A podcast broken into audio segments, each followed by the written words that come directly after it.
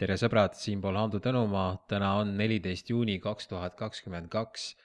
teen ühe kiire helisalvestuse, annan sulle teada, et rahvaalgatus.ee lehel kogutakse allkirju WHO pandeemialepinguga liitumise vastu.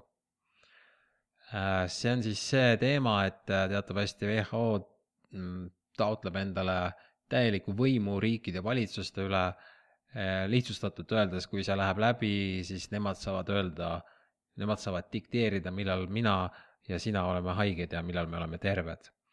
Äh, siin äh, artikli või selle faili all kuskil, kus sa seda kuulad, siit sa leiad lingi, kuidas oma hääl sellele rahvaalgatuse petitsioonile anda. sa leiad selle lingi ka telegram.ee lehelt või kui sa lähed lihtsalt rahvaalgatus.ee lehele et äh, sa ei pea seda faili edasi kuulama, mine lihtsalt sinna lehele, anna oma hääl ära ja anname tuld nendele tüüpidele. aga kui sa tahad seda kuulata, ma loen ka ette kogu petitsiooni täispikkuses. see on äh, kolmas Telegram EE poolt koostatud koroonateemaline rahvaalgatus. meie varasemad äh, petitsioonid olid äh, koroonameetmed ei ole põhjendatud, on aeg naasta tavaelu juurde, mille me tegime kaks tuhat kakskümmend aastal.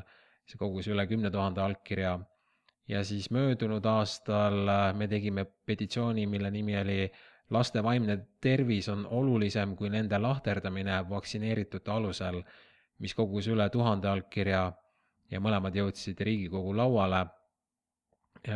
sellel just mainitud petitsioonil oli, oli ainult tuhatkond allkirja, kuna me tahtsime selle kiiresti need tuhat äh, allkirja kokku saada ja me tühistasime selle kuu aega kestnu, kestma pidanud kampaania ära, et saaks selle asja kiiremas korras Riigikogu lauale.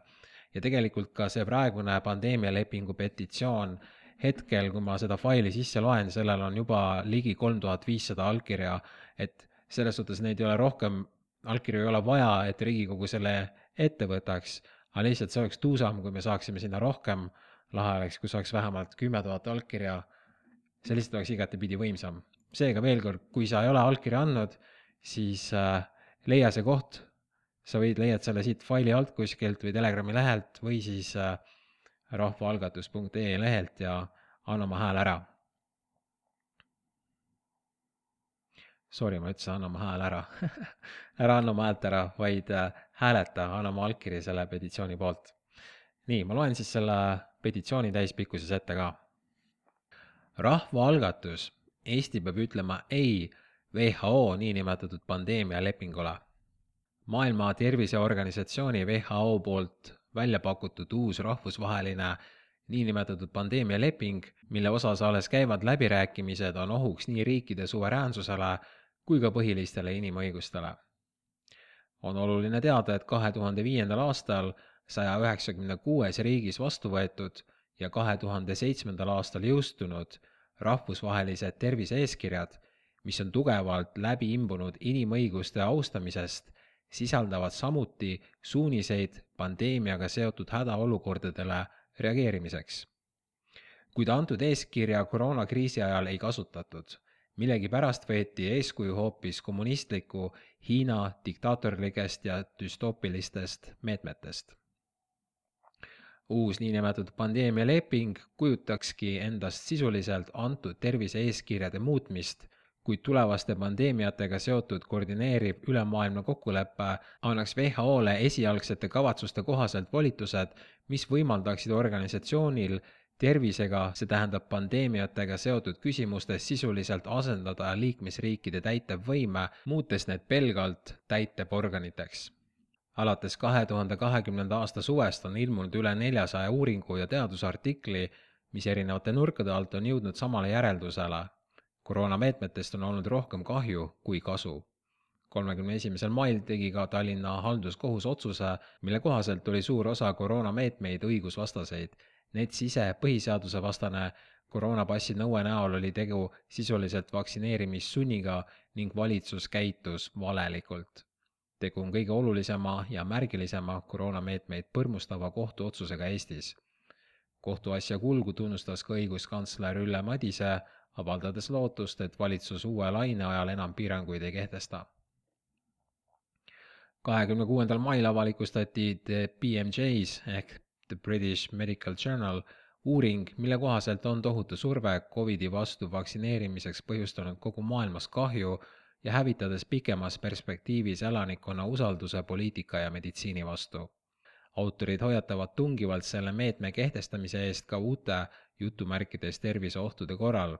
kahju on oluliselt suurem kui kasu eelmise aasta jaanuaris avaldas John Hopkinsi rakendusökonoomika globaalse tervise ja tööstusuuringute instituut töödokumendi, mis näitas selgelt, et liikumispiirangud kogu maailmas ei mõjutanud üldse Covid-19 suremust.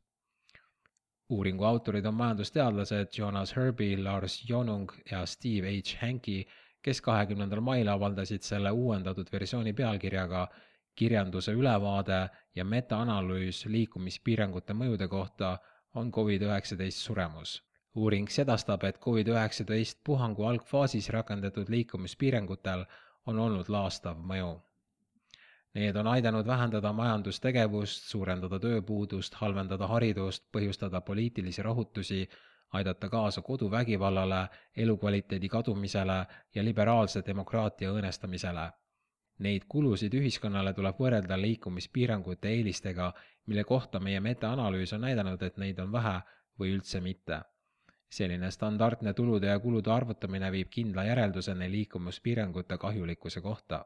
Kuni usaldusväärsed empiirilistel tõenditel põhinevad tulevased uuringud ei suuda tõestada, et liikumispiirangud vähendavad suremust märkimisväärselt antud leping on juba kohanud vastuseisu näiteks Aafrika riikide, Brasiilia presidendi ja Florida kuberneri poolt.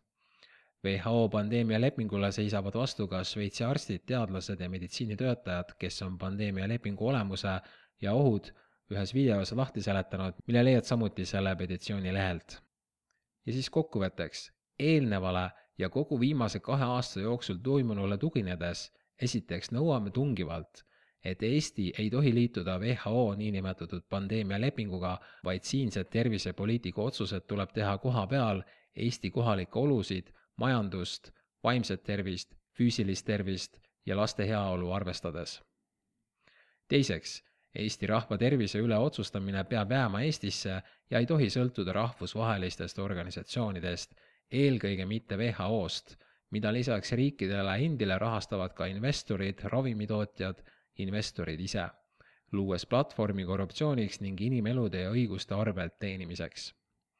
kolmandaks, Riigikogu, võtke tagasi Euroopa Komisjonile antud luba pidada Eesti Vabariigi nimel läbirääkimisi rahvusvaheliste tervise-eeskirjade osas, mille andsite ära Euroopa Liidu asjade komisjoni otsusega käesoleva aasta kevadel neljandal märtsil toimus Siim Kallase juhatusel Riigikogu Euroopa Liidu asjade komisjoni koosolek, kus toimunud hääletamise käigus anti Euroopa Komisjonile volitus pidada Eesti Vabariigi eest läbirääkimisi WHO-ga. kuna pea kogu maailm pandi uue jutumärkides koroonaviiruse tõttu lukku just WHO mahitusel, siis tänaseks puuduvad mõjuvad põhjused selle organisatsiooni soovituste pimesi järgimiseks. Oma allkirja saad anda rahvaalgatus.ee lehel